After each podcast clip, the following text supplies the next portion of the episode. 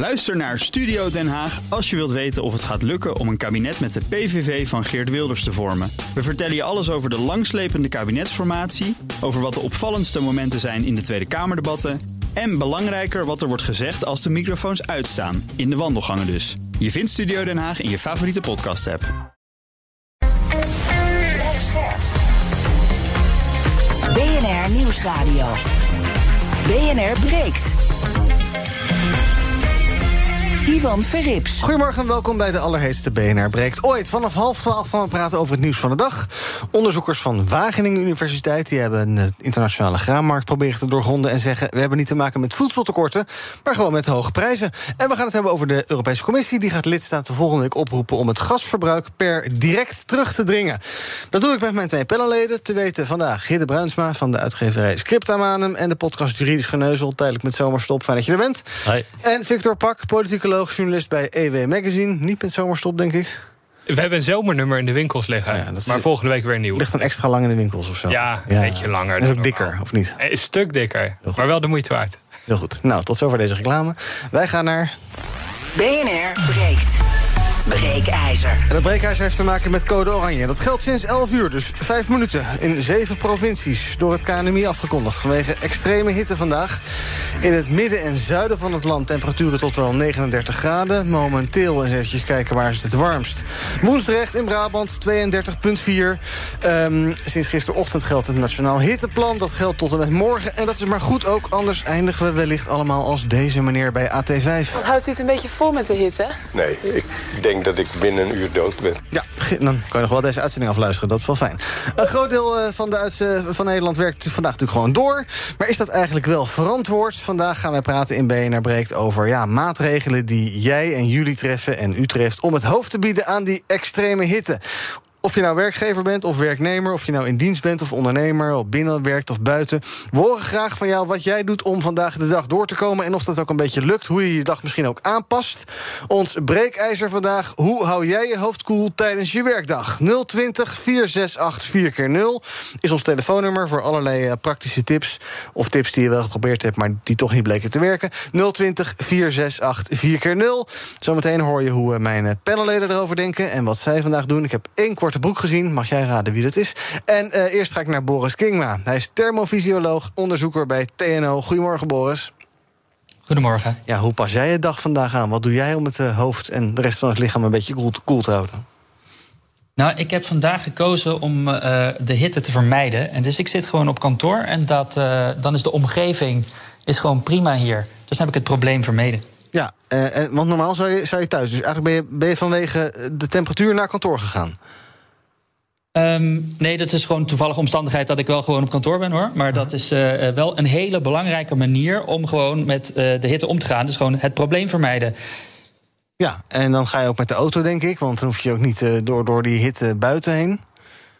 Ja, precies. Dus dat is, je, hebt eigenlijk een aantal factoren waar je op kunt letten. Het gaat altijd om het lichaam, de kleding, de activiteit en de omgeving. Ja. En je moet één van die vier, daar moet je wat, wat aan doen.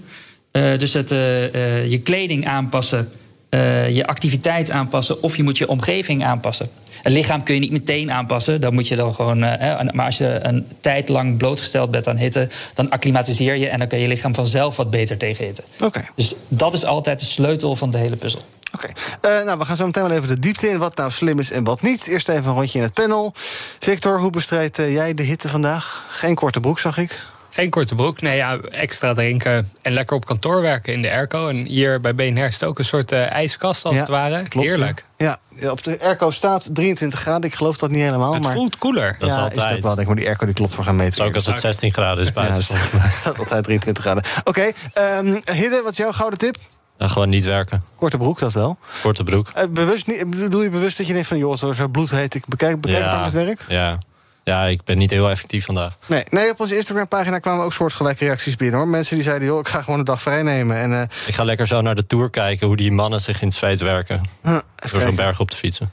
Eh, gebruiker Papa Baart op Instagram die schreef ons ziek melden. Dat is natuurlijk ook een oplo- oplossing voor het warme weer. Oké, eh, deel jouw eh, tips met ons. 020 468 4 keer 0 Wat zijn jouw gouden tips als het gaat om ja, warme werkdagen? Zometeen ga ik naar Frodo, die hangt al aan de lijn. Eerst eventjes naar FNV. Want FNV beklaagt zich over werkgevers. Die zouden te weinig doen om personeel te beschermen tegen de extreme hitte. Vakbond kreeg allerlei meldingen binnen van werknemers over airco's die het niet doen. En werkgevers die geen extra pauzes geven. En dat terwijl ze wel wettelijk verplicht zijn om dit soort maatregelen te treffen. om de gezondheid en het welzijn van de werknemer te bevorderen. Boris, ehm, nou is er denk een groot verschil tussen eh, mensen die eh, kantoorwerk doen, zoals jij en ik. en mensen die eh, buiten, eh, weet ik veel, aan de weg staan te werken. Misschien is dat überhaupt gewoon verstandig om helemaal niet te doen nu? Ja, dat, dat lijkt me wel. Ehm, wat je, waar, in ieder geval, als je niks kan doen tegen de, de zon... en bijvoorbeeld een ventilator neerzetten... waardoor de mensen wel enigszins nog een eh, koeling kunnen hebben... Ehm, als de luchttemperatuur warmer wordt dan, eh, dan de lichaamstemperatuur... daar hebben we nu ook mee te maken trouwens... dan eh, moet je naast meer wind, wind moet je ook zorgen dat de lucht koelt. Dus kun je aan mist, mistverdampers denken buiten... Hè, om de lucht te koelen. Dat, dat soort dingen heb je wel nodig. Want als je er niks aan doet, dan gaat het geheid mis. Ja, ja wat is dat dan? Misgaan? Wat, wat gebeurt er dan? Dan oververhit je gewoon. Nou, je oververhit. En dat kan eh, tot eh, levensbedreigende situaties eh, leiden. Maar ook voordat het levensbedreigend is, zie je gewoon dat mensen veel minder kunnen doen. Dus je krijgt uitputting.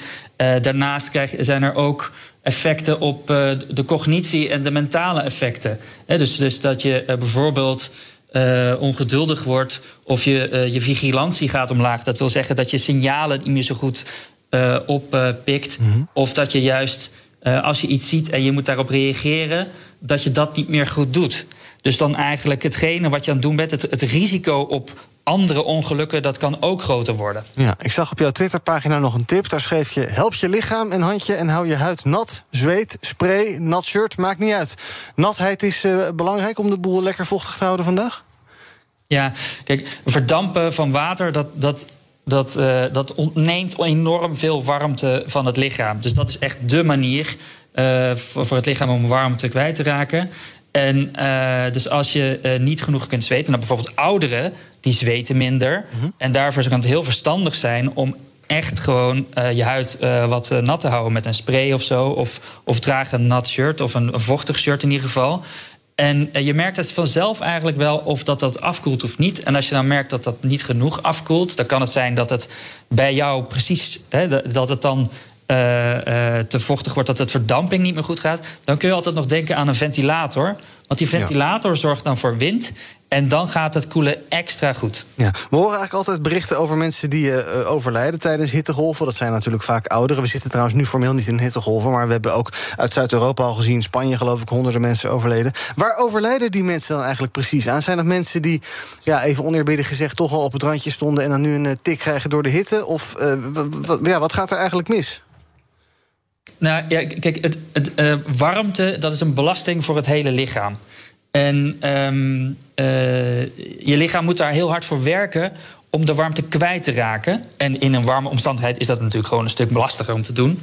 En wat je natuurlijk merkt is dat eh, ehm, eh, nou, eh, je, je hartslag voor eenzelfde activiteit die gaat veel hoger zijn. Ik weet niet, als je sport in, de, in een iets warmere omgeving, dan merk je dat eh, vanzelf.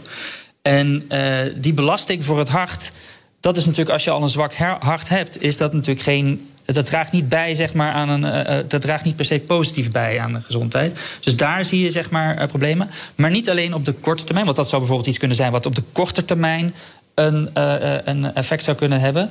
Acuut bedoel ik dan. Maar eh, ook op de iets langere termijn. En dat zit eigenlijk zo dat de belasting voor het hart kan zo hoog zijn dat dan eigenlijk andere delen van het lichaam tekort krijgen. En eentje daarvan is bijvoorbeeld bij de darmen. Bij de darmen zie je dan dat bijvoorbeeld dat daar juist bloed wordt weggehaald voor het lichaam om juist meer bloed te kunnen pompen naar, naar, het, naar de huid. Ja. En dan gaan de darmen die worden, eh, die gaan lekken. Dus waar je dan eh, normaal gesproken een goede barrière hebt tegen bacteriën en, en eh, wat giftige stoffen in de darmen, gaan die lekken. En dan kunnen die gifstoffen wel eh, je lichaam eh, in. En dan gaat, kan het gaan ontsteken. En dan kan je daar van die ontsteking kun je ook eh, heel ziek worden of eh, in het uiterste geval sterven. We gaan naar onze favoriete tuinder. Frodo, goedemorgen. Ja, goedemorgen, eh Iwan. Nou, zeg het maar. Ja. Hoe, hoe hou jij het vol? Ja, inderdaad. Ik werk de hele dag een beetje buiten. Ja. Eh, eh, en dan moet, want ja, er moet toch dingen geoost worden. Eh, mijn klanten die wachten niet op een hittegolf. Mhm. Maar ja, ik zie heel vaak mensen ook met korte broeken, korte mouwen. Nou, dat doe ik dus helemaal niet. Ik heb altijd een lange broek aan, wel een dunne broek. En een lange mouwen t-shirt, kan ook een blouse zijn. Maar die maak ik om het kwartier gewoon nat. Mhm. Ik heb en der wat kranen aanstaan. Gewoon je mouwen flink lekker nat maken. En dan voor een kwartier lang, of een half uurtje, dan ben je gewoon lekker afgekoeld. Ja. En, Uiteraard, uiteraard doe ik ook een hoed op. Ja. En tenslotte luister ik de hele dag naar BNR. Dat Ja. houdt ook wel eh, lekker ja, cool. en blijf je vooral heel scherp. Dank voor het luisteren en eh, dank voor het bellen ook, Frodo. Eh, korte broek is natuurlijk iets wat je vaak hoort rondom dit soort weer. En dan zeggen mensen goh, heb jij geen korte broek aan vandaag? Is dat slim om een korte broek aan te doen, nu, Boris? Eh, eh, kijk, eh, wat, wat kleding meestal doet, is het houdt een beetje van de verdamping tegen, van je natuurlijke verdamping. Dat is waar mensen dan snel geneigd zijn om een korte broek aan te doen, want dan, ja, dan kun je lekker makkelijk zweten. Maar ik denk het advies wat, wat de luisteraar geeft, is een hartstikke goede. Want een andere functie van kleding is juist bijvoorbeeld, is, is een barrière vormen voor bijvoorbeeld de zon. En als je dan wat, eh, eh, wat langere kleding aan, eh, aan hebt, dan kun je je beschermen tegen de zonnestraling. Dat zie je in, in de Sahara, zie je dat ook. Hebben ze allemaal lange gewaden aan. Eigenlijk is dat bescherming tegen de zon. En als je dat dan ook nog eens nat maakt, dan heb je eigenlijk een reservoir van water wat kan verdampen, wat lo- lokaal bij jou kan koelen. En dan eh, dat, eh, eh, ja, ja, dat, textiel houdt dat ook nog eens lekker vast. Dus gewoon een hartstikke slimme manier, ja. Hidde, even naar de maker podcast Juridisch Geneuzel. Hoe zit dat met werkgevers en ja, voorzieningen rondom weer, dat soort zaken? Wat zou er geregeld moeten zijn? Dat vind ik een hele goede vraag. Ik weet, het- ik weet het antwoord niet. Maar ik zou zeggen dat. Neuzel dat is wat? Nou ja, ik zou zeggen dat als je je een werkgever, goed werkgeverschap, dat je er gewoon voor moet voor zorgen dat je werknemers hun werk op een normale manier kunnen doen. En dat bij dagen als vandaag, dat je er dan ook voor zorgt dat bijvoorbeeld het kantoor lekker koel is, dat er genoeg drinken is. Dat weet je, een beetje allemaal zulke voorzieningen dat je misschien niet een hele dag hoeft te werken als het zo warm is. Ik las volgens mij ook dat het vuilnis allemaal om zes uur al werd opgehaald of om half zeven, zodat die mensen ook weer wat eerder klaar waren. Dus ik, ik weet niet of daar echt expliciet over iets vastgelegd in de wet. Maar ik zou zeggen, ja, goed werk, werkgeverschap zorgt er gewoon voor dat je werknemers op zo'n dag ook kunnen functioneren. Ja, ik fietste vanochtend naar werk toe en toen waren er rond half vijf een aantal mensen bezig met op de opbouwplaatsen waar je Ja. normaal nooit iemand ziet. Dus die beginnen dan eerder een Ja, stop vind ik ook wel logisch. Ook best verstandig, inderdaad. Ehm, eh, eh, bijvoorbeeld ook zo'n ding, Albert Heijn zegt dan... ja, wij gaan vanaf twee uur vanmiddag niet meer bezorgen... want het wordt natuurlijk bloedheet. Jumbo geloof ik wel. Snap je dat? Er zijn ook mensen die zeggen, wat een belachelijke gelul. We, we, het is een beetje een dagje warm hier... we gaan gelijk geen eh, dingen meer bezorgen, Victor. Nee, ik, ik snap dat niet. Ik vind het heel logisch van de appie om, om het niet te doen. Ik vind eigenlijk dat dit soort extreme weersomstandigheden... die zouden we niet anders moeten beoordelen... dan als het ijzelt buiten voor zo'n supermarktbezorger... of andere mensen die, die buiten moeten werken, als het ware. Het kan daadwerkelijk gevaarlijk zijn voor je lichaam. Dus je moet nou, alle voorzorgsmaatregelen die, die Boris opsomt nemen... maar ook kijken of het nog steeds verantwoord blijft... als je die maatregelen neemt om dan aan de slag te gaan. En misschien is dat wel even niet zo. Ik bedoel, het is natuurlijk makkelijk praten als er wekelijks zo'n bezorger bij jou de, de, de zware boodschappen naar binnen, binnen Ja, de tilt. kratte pils naar binnen sleurt. Ja. maar onder dit soort weersomstandigheden, ja, misschien moet je het dan zelf even doen en dan liefst vroeg op de dag even naar de supermarkt. Ja, pils is überhaupt niet verstandig, geloof ik, met dit weer. Ehm, Boris, eh, eh, ik Sowieso niet. Wel lekker. Maar wel lekker. Dat maar wel. Een afkoelend pilsje eind van de dag. Mag Ja, dat? 0.0 kan ook. Ehm, de, eigenlijk zou vandaag de eh, Nijmeegse Vierdaagse beginnen. Nou, dat hebben ze een dagje opgeschoven. Waarschijnlijk wel verstandig. Althans, niet opgeschoven, maar ze hebben gewoon een dag geschrapt. Vind ik trouwens raar. Had gewoon op zaterdag die vierde dag gedaan. Dan was je ook... Maar oké, dat is een ander verhaal. Nederland kennende. Er zijn toch allerlei mensen, Boris, vandaag gestart met die Vierdaagse. En die zijn ook, geloof ik, inmiddels alweer praktisch binnen. Is dat nou tamelijk dom van die mensen om dat te doen? Of kan het wel als je het verantwoord doet, Boris? Nou, ik zou het niet doen. Nee. Ehm, kijk, eh, eh, een, een mooi haakje, denk ik, eh, voor wat er net gezegd werd over wat er eventueel in de wet staat, is dat er zijn. eh, waar, waar vroeger in de Arbo-wet wel een verwijzing was naar de NEN-normen of eh, naar ISO-standaarden, daarin zitten eigenlijk simulatiemodellen beschreven die dat precies kunnen. Eh, ja, dat je kunt simuleren wat er gebeurt met het lichaam. Wat, wat verwacht je wat een lichaamstemperatuur gaat zijn? En hoeveel zweet denk je dat je gaat uh, verliezen? En als je, dat, uh, als je die modellen bijvoorbeeld voor de Nijmeegse Vierdaagse ook runt... dan zie je dat het eigenlijk vrij, vrij risicovol is. er zullen een deel van de mensen, met name degenen die goed geacclimatiseerd zijn... die zullen het prima wel, wel aankunnen... Maar rond, vanaf nu ongeveer is het echt, wordt, het, komt het, wordt het gewoon oncompenseerbaar. En dat wil zeggen uh, dat het gewoon fysisch, gewoon de wetten van de natuurkunde dat je het gewoon niet meer kunt uh, uh, afkoelen. Je lichaam kan niet genoeg koelen. Maar mensen die heel fit zijn, gewoon gevaarlijk. Mensen heel fit zijn en veel getraind. Het is toch prima als je dan om s ochtends vier uur gaat wandelen. Ja, of, of kan je dat zelf niet goed inschatten? Ja. ja, ik heb ook wel eens een marathon gelopen met 35 graden. Dat was niet heel lekker, maar ging wel goed. Of op zich, het ging wel was niet, het was niet ideaal. Ah, je, maar je bent er nog. Ik ben er nog, ja. Ik ben niet overleden. Ik zou het mensen niet aanraden. Maar ik denk wel dat, dat, je, dat je redelijk... Als je, als je getraind bent en je hebt ervaring... dan moet dat volgens mij toch wel kunnen. Is dat zo, Boris? Of is na een tijdje gewoon echt klaar met je lichaam? En kan je dat zelf niet kijk, heel goed inschatten? Kijk, in de regel... Kijk, het is gewoon zo op een gegeven moment is het echt klaar. Kijk, je hebt ergens gewoon... Uh, uh, we kunnen... mentaal kunnen we ons, onze grenzen verleggen. maar als zeg maar op een gegeven moment de, de, de hoeveelheid warmte die je afstaat ten opzichte van de warmte die je produceert, gewoon wetten van natuurkunde. Uh, als dat niet meer in balans te houden is, dan is het gewoon een, een, klokje wat gaat lopen en dan warm je gewoon steeds verder op. Tot... BNR breekt. Ivan Verrips.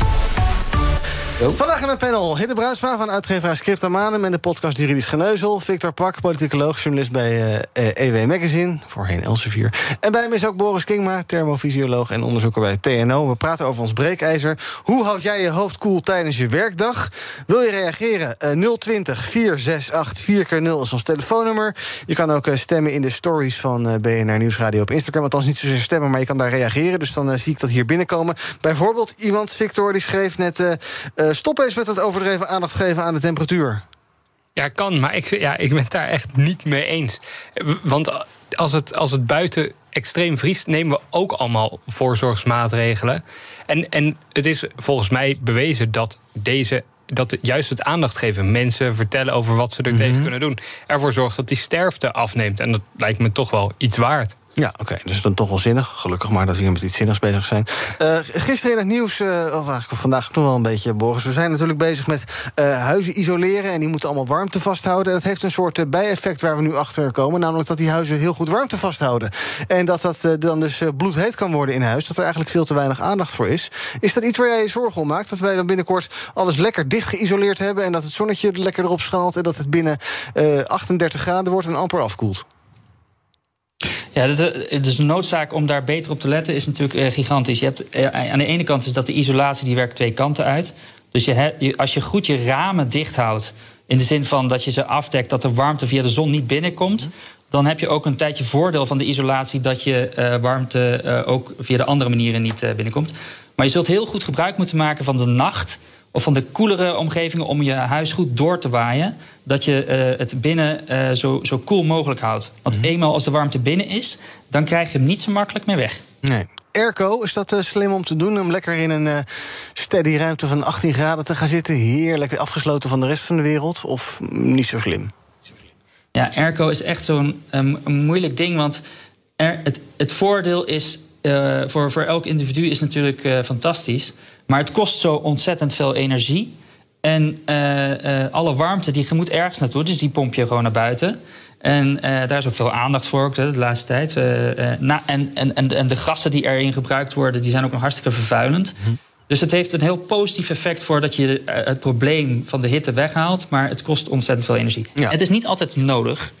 En ik denk namelijk dat um, je kunt namelijk gewoon de, als je een airco hebt, dan uh, kun je die airco ook veel warmer instellen. Dat in Japan uh, uh, wordt dat al veel, veel gebruikt, zeg maar. Maar dan moet je iets anders aanpassen. Dus stel dat je de airco op 28 graden zet, -huh. dan betekent het dat je je kleding moet aanpassen. En als je dan een ventilator gebruikt die veel minder energie gebruikt dan een airco, dan kun je eigenlijk met de, op een veel makkelijkere manier veel energiezuinigere manier kun je uh, toch uh, een comfortabel binnenklimaat houden. Ik was nog eerst de tip om twee flessen water in de vriezer te doen. En die dan voor je ventilator oh ja, te zetten. Zo'n klassieker. Werkt ja. dat? Ja, ik heb het nog niet geprobeerd. Nee, dat vraag aan Boris. Die weet het. Ja, nee, ja ik, ik, Het zal vast een klein beetje helpen, maar eh, als, als het voor gevoelsmatig helpt, dan uh, dat, ik denk dat het daarvoor is. ja, dan, dan mag het ook. Oké, okay. Beatrice, goedemorgen. Goedemorgen. Zeg het maar. Nou, ik heb uh, nogal veel gezeild, vooral in het tropen en op de Middellandse Zee. Ja. En ik kan zelf niet heel goed tegen de warmte. Wat ik doe is sowieso de zon vermijden. ik heb altijd een plantenspuit en ik gebruik lange mouwen dan. En een lange broek, dun, lange broek. Maar wel spuit ik de boel nat. En dat houdt het heel erg prettig. En als je dan toch het land op moet of naar buiten bent... neem gewoon een paraplu mee en loop onder die paraplu. Ja, dat is mijn tip. Eigenlijk hele simpele dingen dus. Uh, je kan wel heel moeilijk gaan denken, maar het kan dus op een hele simpele manier. Sluit ook een beetje aan bij wat Frodo zei. Dus hou je het vochtig en bedek misschien wel een beetje je lichaam. Um, uh, Boris, een beetje tot slot van het half uur. Mensen die vandaag denken, oh, het is lekker warm, ik ga naar het strand... die zijn wel bijkans gek, denk ik, hè?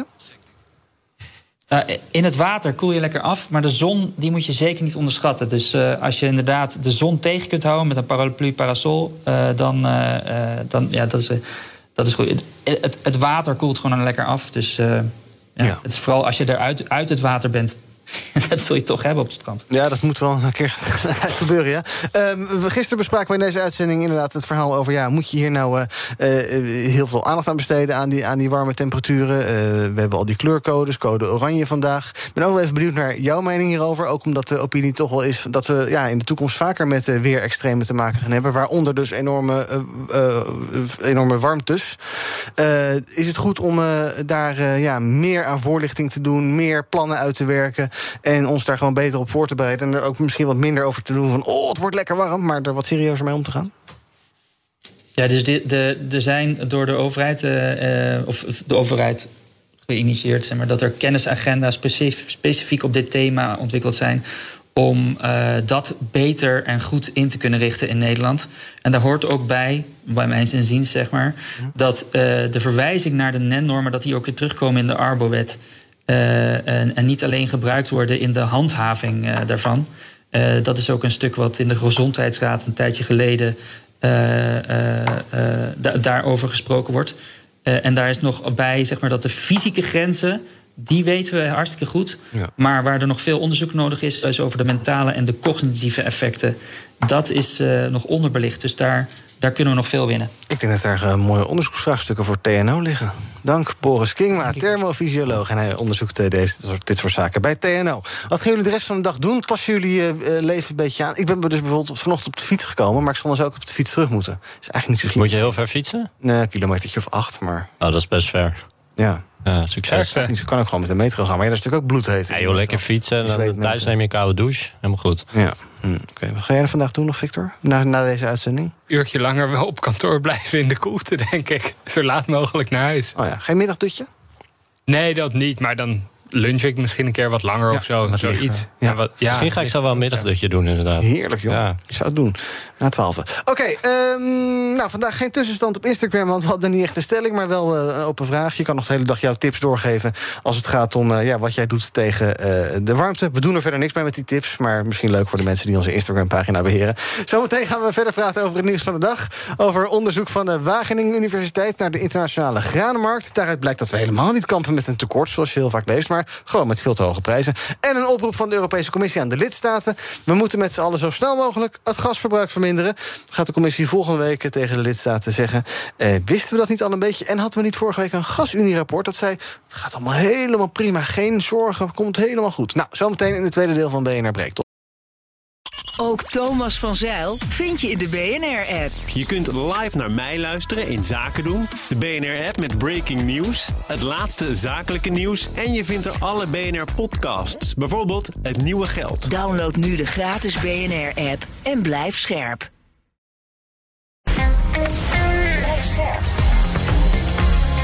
BNR Nieuwsradio. BNR breekt. Ivan Verrips. Welkom terug bij BNR Breekt. Vandaag in mijn panel Victor Pak, politicoloog, journalist bij EW Magazine... en Hidde Bruinsma, hij is van de uitgeverij Scriptamanum... en de podcast Juridisch Geneuzel. En we zien er tussen de berichten dat eh, de stranden alweer beginnen vol te stromen. Jawel, de drukste momenten worden verwacht vandaag tussen 2 en 6 uur. Dus uh, nou, ook lekker BNR luisteren op het strand. Uh, we gaan praten over al het andere nieuws van de dag... wat niet zoveel met hitte te maken heeft, maar wel met crisis. Te weten de voedselcrisis allereerst... Althans, voedselcrisis, graancrisis, die is er eigenlijk helemaal niet zo. Concluderen onderzoekers van de Wageningen Universiteit. Als je naar de cijfers kijkt, dan is er eigenlijk uh, evenveel graan uh, uh, beschikbaar voor, voor de wereldbevolking als vorig jaar. Oekraïne is een hele grote exporteur. Maar daarnaast zijn er natuurlijk ook andere grote partijen. De Verenigde Staten, Canada, maar ook Europa en elders in de wereld. Er wordt veel graan geproduceerd. En ja, in zijn totaliteit is er genoeg beschikbaar. Ja, dat is toch wel typisch. Onderzoeker Simon van Berken was dat. Terwijl wij toch al tijden verhalen horen over ja, enorme graanprijzen, honger in Afrika, uh, miljoenen kilo's graan die vastliggen in Oekraïne die er niet wegkomen. Maar eigenlijk zegt hij, er is helemaal geen tekort aan graan, Victor. Zijn we nou elkaar een beetje voor de gek aan het houden? Of is er wel degelijk iets aan de hand? Wat is hier? Er zit inherent natuurlijk bij een crisis dat er prijsstijgingen volgen. Maar het probleem wat de onderzoekers alsnog schetsen, is natuurlijk van ja, het Oekraïnse gaan dat zit vast in Oekraïne. En dat is natuurlijk veel sneller richting Afrika, maar ook richting delen van Azië. Dan, veel goedkoper. En goed, op een goedkopere manier, want je moet minder afstand afleggen. Dan graan uit Canada of Amerika, dat ook dan die kant op zou kunnen gaan om die honger te voorkomen. Dus je, je blijft ermee zitten. En dat zorgt denk ik inherent ook voor hogere prijzen. Maar ook gewoon voor dat er uiteindelijk minder naar die landen toe gaat. Dus ja, het probleem blijft nog steeds bestaan. Zelfs als wij die prijzen wel kunnen betalen. Ja, maar als wij zeggen, uh, goh, we willen niet dat de mensen in Afrika al te veel honger lijden, dan is dat iets wat we toch kunnen aanpassen. En dan kunnen we niet zeggen, oeps, ja, het, helaas, het is er niet. Ja, ja dat maar. kunnen we toch al twintig jaar aanpassen? Ja, dat doen we hem niet. Nee, nee. dus dat, dat, daar gaat gewoon iets mis. Dus dat gaat ook nu niet gebeuren? Nou ja, ik, ik denk, het lijkt gewoon een soort marktwerking nu in dit geval. Dat die, die prijzen liggen te hoog voor landen in Afrika. Dus gaat het graan gewoon naar, naar het westen toe, naar ons. Zodat wij geen honger hebben, want wij kunnen het allemaal betalen. Um, en het graan uit Oekraïne, wat volgens mij een stuk goedkoper is, ja, dat, gaat, dat is er nu niet, want dat ligt vast. Ja. Dus dat gaat niet naar Afrika. Nee. Maar ja, volgens mij is er genoeg eten in de wereld om, om, om de honger op te lossen. Um, maar dan is de markt dus alsnog op dit moment gewoon verstoord als gevolg van, Rus, van de acties van Rusland. Van de het beginnen van een oorlog. En dat zorgt uiteindelijk wel voor deze. Ja, nee, Rusland heeft dat natuurlijk vanaf het begin ook geweten. Ja. Wat er vervolgens zou gaan gebeuren. En ik las volgens mij dat in Amerika de markt wordt bepaald door drie of vier grote partijen. Nou ja, die kunnen dan natuurlijk ook vragen wat ze willen. Want er is, er is weinig concurrentie. Ja, dat, dat gaat het probleem niet oplossen. Nee. Maar zou je daar iets in kunnen, in, kunnen of moeten reguleren of iets dergelijks? Je zou toch, ja, je zou toch wensen dat uh, eten toegankelijk blijft voor iedereen. Dan niet allerlei luxe voer, maar gewoon graan. Dat is een soort basisding. Ja. Ja, ik zou zeggen dat, dat, dat Europa en de VS in actie moeten komen om ervoor te zorgen dat het graan voor veel lagere prijzen naar Afrika kan. Zodat eh, volgens mij 350.000 mensen die misschien overlijden door honger in de hoorn van Afrika. Ja, dat, is, dat zijn natuurlijk debiele cijfers. Uh, terwijl er dus wel gewoon genoeg beschikbaar is. Ja, en geen graantekorten dus. Maar nee, dat dus prijzen. niet. Maar alsnog de hoge prijzen. En dat blijft denk ik een probleem. Het kost nou eenmaal meer om dat gaan van verdere locaties naar Afrika ja. en Azië te krijgen. Maar het is wel interessant qua dat de afgelopen maanden hebben we natuurlijk de hele tijd een soort van gehoord dat er tekorten zijn. In ieder geval dat leek, maar dat is dus eigenlijk helemaal niet zo. Dus er gaat, gaat ook gewoon iets helemaal mis in de communicatie of de manier waarop dit probleem wordt gecommuniceerd naar, naar ons toe. Ja, of is uh, propaganda? Ja, dat zou kunnen. Ja. er allemaal met z'n allen instinken. Of we komen er nu pas achter dat de oogsten in Amerika en Canada gewoon een stuk beter zijn dan verwacht om de aanvoer uit Oekraïne op te vangen. Alleen dat dat ingewikkelder ligt dan we denken. En dat bedoel, we het voorheen niet deden ook. Dat zou ook kunnen. Ja. Ik bedoel, het is natuurlijk makkelijk gezegd, want het is propaganda of wat dan mm -hmm. ook. Het is natuurlijk gewoon een feit dat die hele marktwerking verstoord is door het beginnen van een oorlog ja. door een ander land. Ja, dus het is denk ik weer zoeken naar een nieuw evenwicht. En dat kan ja. natuurlijk even duren. Dat duurt en... altijd. Kijk hoe wij naar, met ons gas moeten omgaan op dit moment. Dat is ook van alle kanten. Gisteren was, of eergisteren was van der, von der Leyen in, in Azerbeidzjan. Ja. Om nieuwe contracten te sluiten. We ja. moeten toch iets. Ja, ook allemaal frisse types daar. Gas gaan we het zo nog even over hebben. Heel kort nog over dat gaan. Uh, ja, moeten we dan toch maar weer... we waren best wel afhankelijk van Oekraïne en Rusland. Nou ja, daar moeten we dus eh, andere dingen voor gaan bedenken. Uh, andere plekken gaan, gaan verbouwen. Uh, uh, of ervan uitgaan dat het wel Nou, weer goed komt daar. Als het geen tekort is, dan hoeven we niet op andere plekken nog meer gaan te gaan verbouwen. Nee, maar als je wil dat de prijs lager wordt, misschien weer wel. Nou ja, dan zou je dus dichter. En wat dat gaat, was Oekraïne natuurlijk heel fijn. Dat ligt een stuk dichter bij Afrika en makkelijker voor doorvoer naar Azië dan wij of dan Canada of de Verenigde Staten. En dus is een einde aan de oorlog toch het beste. Ja, nou, dat lijkt me überhaupt eh, aan te bevelen. Een einde aan de oorlog, bij deze de oproep gedaan. Uh, jij had het al even over gas. Uh, vandaag ook in het nieuws. De Europese Commissie gaat lidstaten hun uh, gasgebruik per direct stevig beperken. Althans, er komt geloof ik morgen een plan uit van de Europese Commissie. Save gas for a safe winter. Um, dat schrijft de Financial Times op basis van gelekte conceptdocumenten... waar de krant de hand op wist te leggen. En die oproep volgt op de waarschuwing van het IEA Internationaal Energieagentschap van gisteren. Die uh, maken zich best wel zorgen over de gevolgen van uh, een Russische gasstop. Heeft ook te maken met die Nord Stream pijpleiding. Waar nou in ieder geval voorlopig niet zoveel uit lijkt te gaan komen. Um, uh, en dus lijkt dat toch wel een groter probleem te worden dan we ooit dachten. Of hebben we toch veel te lang hidden gedacht. Ah, het komt wel goed met dat gas. Ja, Europa heeft veel te lang geslapen. Ik bedoel, dat je zo afhankelijk bent van, van Rusland voor, voor zo'n groot deel van je gas. Bijvoorbeeld een land als Duitsland. Ja, ik, ik bedoel, het is veel te lang geduurd voordat er actie wordt ondernomen. Mm -hmm. Ze hadden jaren geleden al actie moeten ondernemen. Ja. En ik las, er stond een heel goed artikel in de Volkskrant ook over West-Afrika en de, uh, hoeveel gas we daar nu ook hebben. En dat, dat zou ik eigenlijk heel erg aan het wachten zijn van ja, wanneer komt er eens een samenwerking met Europa? Want wij zijn er klaar voor, wij kunnen heel veel gas leveren. Maar ja, de, de, de, de pijpen moeten nog worden aangelegd. Dus dat gaat natuurlijk ook weer jaren duren. Um, en in Nederland hebben we natuurlijk nog Groningen, waar je ook van kan afvragen: ja, dat, dat is nu, gaat nu dicht, dat is nu dicht. Kan daar niet iets anders op worden verzonnen? Dat misschien de mensen die daar wonen veel meer gaan mee profiteren van het gas. We, we hebben hier zoveel gas en dan gaan we, gaan we zoeken naar, naar landen als Azerbeidzjan om daar gas vandaan te halen. Waarschijnlijk tegen enorm hoge prijzen. Ja, ik, ik vind het wel een beetje een wanbeleid. Ja. Het gaat natuurlijk wel een Stel dat je nou even de theoretische kwestie uh, de gaskraan dichtdraait. Het gaat natuurlijk wel een probleem opleveren voor allerlei bedrijven in ons land.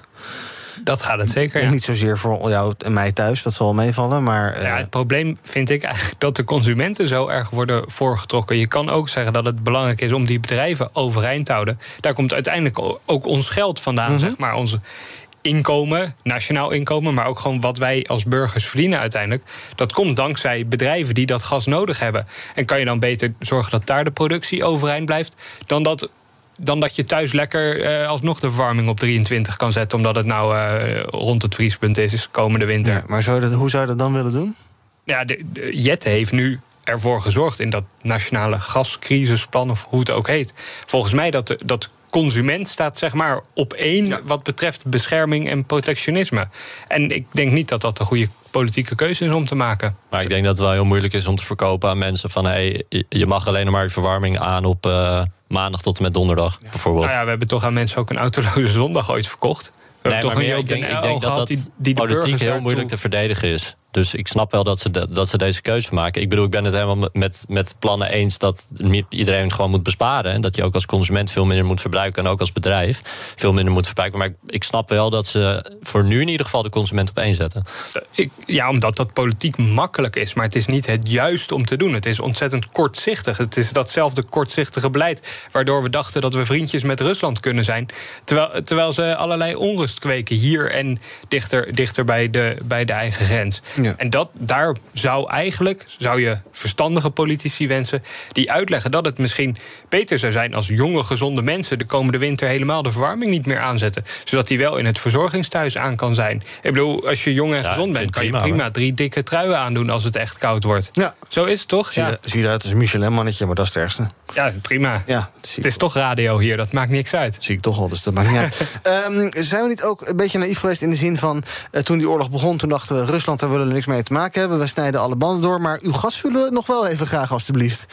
Maar ja, je kon moeilijk zeggen van de een op de andere dag... Uh, succes ermee. Ja, volgens mij exporteert Poetin nu een kwart van het gas... wat hij normaal exporteerde en hij verdient er twee keer zoveel mee. Ja. Dus hij heeft, het, hij heeft het op dat gebied gewoon heel goed gespeeld. Um, Hij heeft gebruik gemaakt van de kwetsbare positie waarin we onszelf al die jaren in hebben gebracht. Ja. En eigenlijk hadden we natuurlijk veel beter kunnen weten. Wij hebben na MH17 dus nog nooit gedacht van... is het wel goed dat we nog steeds die banden met Poetin onderhouden? We zijn daar lekker gaan voetballen in 2018. Het, is, het is zo schandelijk en daar betalen we, denk ik, komende winter... een heel hoge prijs voor. Ja, de energie is toch. eh, Ja, je hebt energie eigenlijk nodig voor alles. Dat kan je wel zeggen. Eh, nu komt er dus een plan van de commissie. Die eh, gaan we waarschijnlijk morgen gepresenteerd worden. Het plan zegt dat EU-landen het komende najaar 15% minder gas moeten gaan verbruiken. Ik geloof dat wij al redelijk van nature onderweg zijn of zo. Uit de cijfers van Jette blijkt toch dat wij al minder gas verbruiken. Dus gaat dit nou heel erg veel pijn voor Nederland opleveren, denk je, Victor? Zo'n zo'n plan van de commissie. Gaan we echt ja, harde nee. keuze moeten maken van dat nog wel, dat minder, dat niet meer? Of ik denk het- met 15% minder niet. De- vraag is natuurlijk waar ze van uitgaan of die gasvoorraden gevuld worden. Want ergens is er nu de hoop dat er toch in augustus weer wat gas onze kant op stroomt vanuit Rusland. Of dat ze echt denken dat volgens mij zit nu voor 60, 65% vol. Dat dat het gaat blijven en dat we het daarmee moeten doen. Ik denk dat heel erg afhangt van die, of we de voorraad nog kunnen aanvullen. Of we de winter, of in ieder geval dat najaar een beetje doorkomen. Dan een oer-Hollands geluid. Daar komt hij. Ah ja, wat mooi. Het is toch onze identiteit met z'n allen, de fiets. En als het aan staatssecretaris Vivian Heijner ligt... gaan we dat steeds vaker horen. Zij trekt eh, tientallen miljoenen uit om meer Nederlanders te laten fietsen. Heijner vindt eh, dat nog te weinig Nederlanders op de fiets naar hun werk gaan... en daarom wil zij meer bakfietsparkeerplaatsen. Ik dacht dat dat alleen uit Am- Amsterdam was, maar oké. Fietssnelwegen en fietstunnels. Begin 2025 moeten daardoor gewoon 100.000 extra mensen de fiets pakken naar hun werk. Zijn jullie werkfietsers? Nee. Want? Te ver. Hoeveel kilometer dan? 45, enkele Kan reis. prima met een eh, e-bike-achtig ding. Met een e-bike? Hm, Nou, misschien. Hoe ga, je nu, hoe ga je nu met, met naar je werk? Met Auto of OV? de auto? Dat mag niet meer van mevrouw Heijnen. Je moet de fiets pakken. Nou, ik vond het heel grappig dat mevrouw Heijnen zei... fietsen vinden we in Nederland gelukkig heel normaal... Mhm. maar het gaat niet vanzelf. En toen dacht ik toch, voor al het andere wat ik doe... stap ik eigenlijk altijd op de fiets. Of ik naar boodschappen ga doen, ga tennissen, Ja, whatever. Op zo'n e-bike gaat het wel vanzelf, volgens mij hoor. Ja, dat ook, dat ook. Dus ik vond, ik, ja, bijzonder plan. Nou, misschien dat mevrouw Heijnen je wel kan overhalen. Want eh, zij gaat dus een landelijk dekkend netwerk van doorfietsroutes aanleggen. Eh, daar zijn de provincies en gemeenten nu al mee bezig. En eh, verder moeten er allerlei inderdaad hubs op stations worden gecreëerd en dat soort zaken. Is er iets wat jou over zou kunnen halen dat je denkt van nou, ik laat die smeren, want je hebt vast geen hippe, eh, nieuwe elektrische schone auto. Nog niet. Kijk, dat is iets wat, je, wat er jou kan overhalen om te zeggen... ik laat die smerige auto staan en ik pak toch een fiets. Een, van enige soort, lei, enige soort... Nou, dan is het toch soort beter, beter openbaar vervoer uiteindelijk. Enige soort. Dat- Beter openbaar met- vervoer. Nou, nou ja, binnenkort kan ik dan zonder overstap eh, naar mijn werk gaan met het OV. Dus dan wordt dat weer aantrekkelijker. Nu moet ik nog best vaak overstappen en een heel flink stuk Dan lopen. neem je dan je fiets mee in de trein, bedoel je? Of? Nee, dat gaat Nee. toch niet met de fiets? Dan ga ik Hij fietsen hij naar de negeert gewoon trein. het hele- Ja, Hij hij negeert gewoon het hele woord fiets. Ja. Ik kan dan lopend naar het station en dan van het station bij mijn werk weer lopen. Volgende onderwerp. Hidde even de billen bloot. Eh, wat? Veel fietsen? Ja, ik fiets de hele tijd. Ja. Ja, ik fiets door heel Amsterdam. Dat Ja. doe ik al mijn hele leven. Ja. Ja. Ja, Ja. ik vind het toch. Ik, ik haat de auto. Je haat de auto Ja. zelfs. Oh ja, en de openbaar vervoer dan? Ja, ja, ik- als ik er ergens kan komen met OV, dan ga ik met OV. Ja, precies. Of met de fiets dus. Ja, als ik met de fiets kan, ga ik met de fiets. Maar als het het te ver is, Ja, dan ga ik met OV. precies, ik begrijp het. Nou, we zijn rond. Ook Diana Matroos vind je in de BNR-app. Ja, inderdaad. Je kunt live naar mij luisteren tijdens de Big Five. Ook handig in de BNR-app. Breaking nieuwsmeldingen, maar ook het allerlaatste zakelijke nieuws. En je vindt in de app alle BNR-podcasts, waaronder Wetenschap Vandaag. Download nu de gratis BNR-app en blijf scherp. BNR breekt. Gaan we nog even kijken naar het eh, nieuws van mijn panelleden. Wat is hen opgevallen in het nieuws vandaag? Of de afgelopen dagen? Ehm, Victor, waar wil jij het over hebben?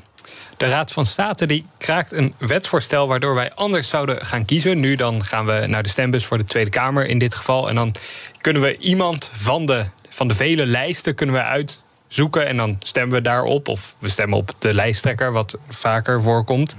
En nu wil de, raad van, of de minister van Binnenlandse Zaken, Hanke Bruinslot, die, die wil die band tussen kiezer en gekozenen wat verbeteren, wat hechter maken als het ware. Waardoor je kan kiezen om ofwel iemand die dus op die lijst staat, het traditionele manier, of gewoon op de partij te stemmen. En dan bij dat, bij dat eerste, waarbij je dus stemt op een persoon, dan gaat dat ook zwaarder meetellen. Want de, de invulling van de zeteltjes in de Tweede Kamer gaat dan echt op basis van die volgorde.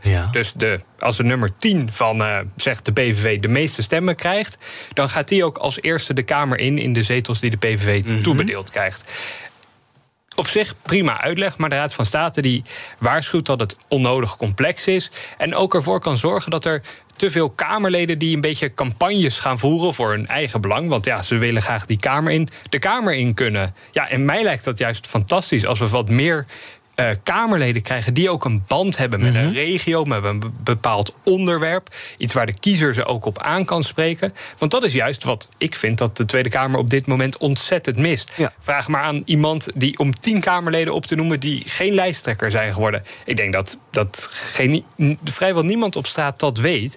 Ja, als je wat meer waarde gaat hechten dus aan die voorkeurstemmen, daar gaat dit om, dan hoop ik dat dat zou verbeteren. Dat lijkt me namelijk een goede, goede zaak in Nederland. Want we, ja, die Kamerleden, we kennen ze niet en wat doen ze nou eigenlijk? En ja, ik vind het wel zonde dat de Raad van State er zo weinig in ziet. Ja, want waar, waarom vinden zij het een slecht idee? Ze vinden het ingewikkeld. Nou, dat snap ik ergens nog wel. Want jij legt het nu uit. Ik moet ook hard op nadenken en meedenken. En welke gevolgen heeft dan op Maar als je dit voor je ziet op het stembiljet, want daar gaat het natuurlijk om, dan is het enige verschil dat je dus een extra bolletje naast de partijnaam krijgt. Ja. Zodat je niet per se op een Kamerlid hoeft te stemmen als je dat niet wil. Maar hoe leg je dan uit wat het verschil is tussen het bolletje VVD of het bolletje Mark Rutte?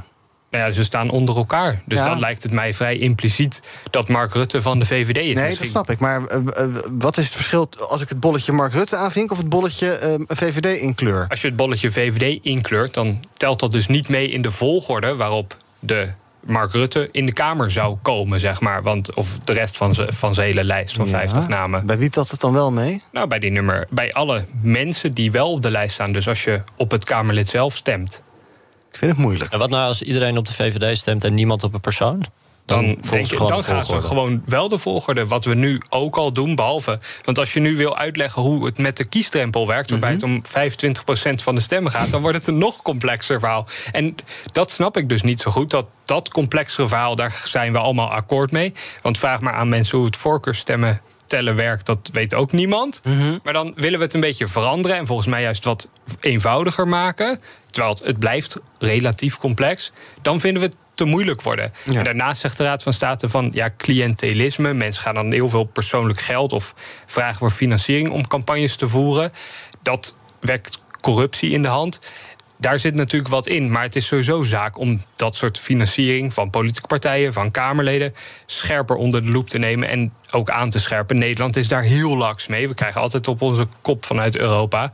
En terecht. Dus daar zit wel wat in. Dus jou lijkt het wel mooi eigenlijk, maar ehm, het gaat er Het idee is goed. Ja. om, die, om, vind ik, om de, de band tussen kiezer en gekozenen, de Kamerleden, te versterken. Volgens mij hebben we in Nederland echt een groot probleem dat, dat die band niet zo hecht is. We zijn een beetje onthecht van de politici en de politici van ons. Dus het lijkt me goed als dat versterkt wordt. Ja, wil graag meer Pieter Omtzigtjes en minder eh, anonieme PvdA, ver weg, PVV, nooit van gehoord. Nummer Precies, 4, ja, 5, dat, 6, dat 7. lijkt me heel goed Geen voor de, voor de democratie.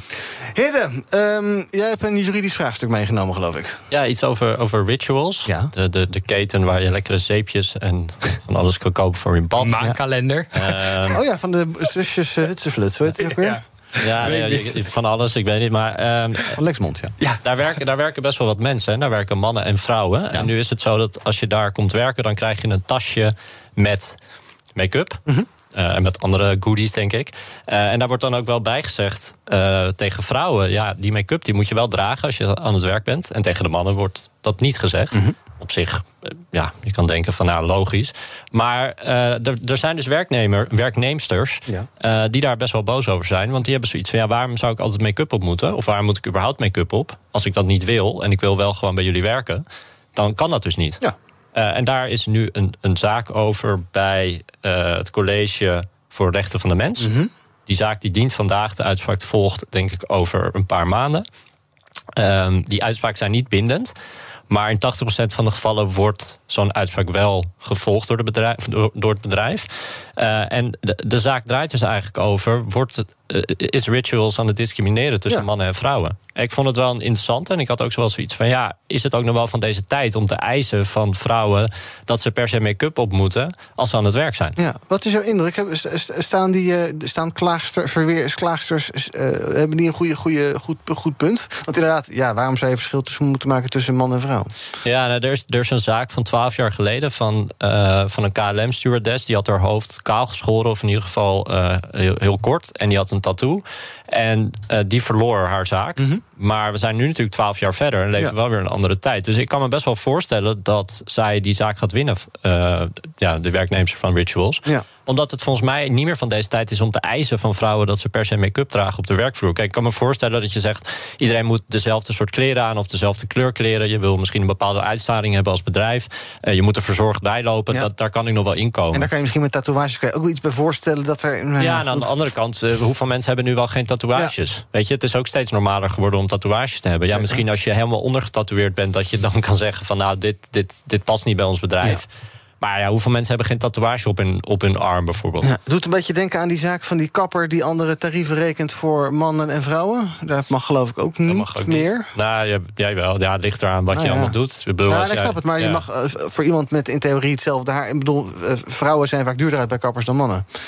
Ja, Terwijl dat ze volgens mij. Ze kijken niet naar haar per se.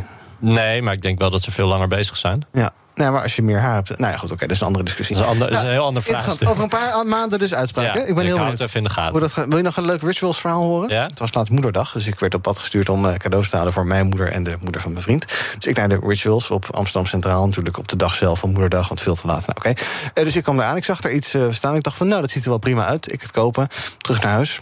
Bleek dat ik twee setjes voor mannen meegenomen had. Heel fijn op moederdag, ja, prettig. Laten we even. We hebben het teruggebracht. Goed. Kijken wat er trending is op de socials. Mensen hebben het veel over hashtag hitte. Twitteraars delen hun meningen, ervaringen onder hashtag code oranje, hashtag hitteplan, hashtag hittegolf. En ook eh, konden mensen maar weinig eh, goed slapen door de hashtag plaknacht. Inmiddels 34,7 graden in Woensdrecht. Hashtag glazen bolcup is in het leven geroepen door wielrenner Bauke Mollema. Twitteraar die eh, de uitslagen van de Tour de France goed weet te voorspellen... krijgt een leuk presentje van hem. En met dit eh, warme weer duiken we even naar een filmpje op Dumpert. Ja, want daar trekt een video van twee wijkagenten uit Deurne de nodige kijkers. Duo kwam eh, langs een feestje waar het toepasselijke liedje... Daar komt de politie aan uit de speakers. En deze agenten van dienst konden het niet laten om erop te reageren. Even niet schrikken als je in de auto zit. Daar komt de politie aan. Heel fijn. Ja, niet schrikken. Radiowet, geloof ik, hè? Nooit eh eh, politiegeluid op de radio laten horen. Mensen schrikken zich helemaal het leplazers. Eh, tot slot nog even kort. In Hartje Utrecht opent morgen een filiaal van de Aldi. Nou, leuk voor je zou je denken. Maar dat is een filiaal zonder kassa's. De vertrouwde kassières zijn er niet meer te vinden. Of kassier, kassiers, kassiers, ik weet het niet. En je hoeft je boodschap ook niet meer te scannen bij een zelfscanautomaatje. Je kwakt het gewoon in je mandje. En sensoren houden bij wat je in je mandje hebt gedaan. En het verschuldigde bedrag wordt automatisch van je creditcard afgeschreven. Het werkt niet met pinpassen. Beetje raar. Dus dit soort praktijken zijn verleden tijd. Willen jullie misschien sparen voor de hapjespan? U? Nee, u. Nee, ik ook niet. Yeah. Nooit meer in de rij staan om af te rekenen bij een eh chagrijnige cashier of cashier. Eh, je zou denken, dit zijn innovaties van eh, Albert Heijn of van anderen, van Jumbo, grote club uit Veghel, of van Amazon, die daar in Amerika mee experimenteert. Maar dit is de Aldi, waar tot een paar jaar geleden mensen achter de kassa nog de plucodes uit hun hoofd moesten rekenen en die in, hard intoetsten op een machine.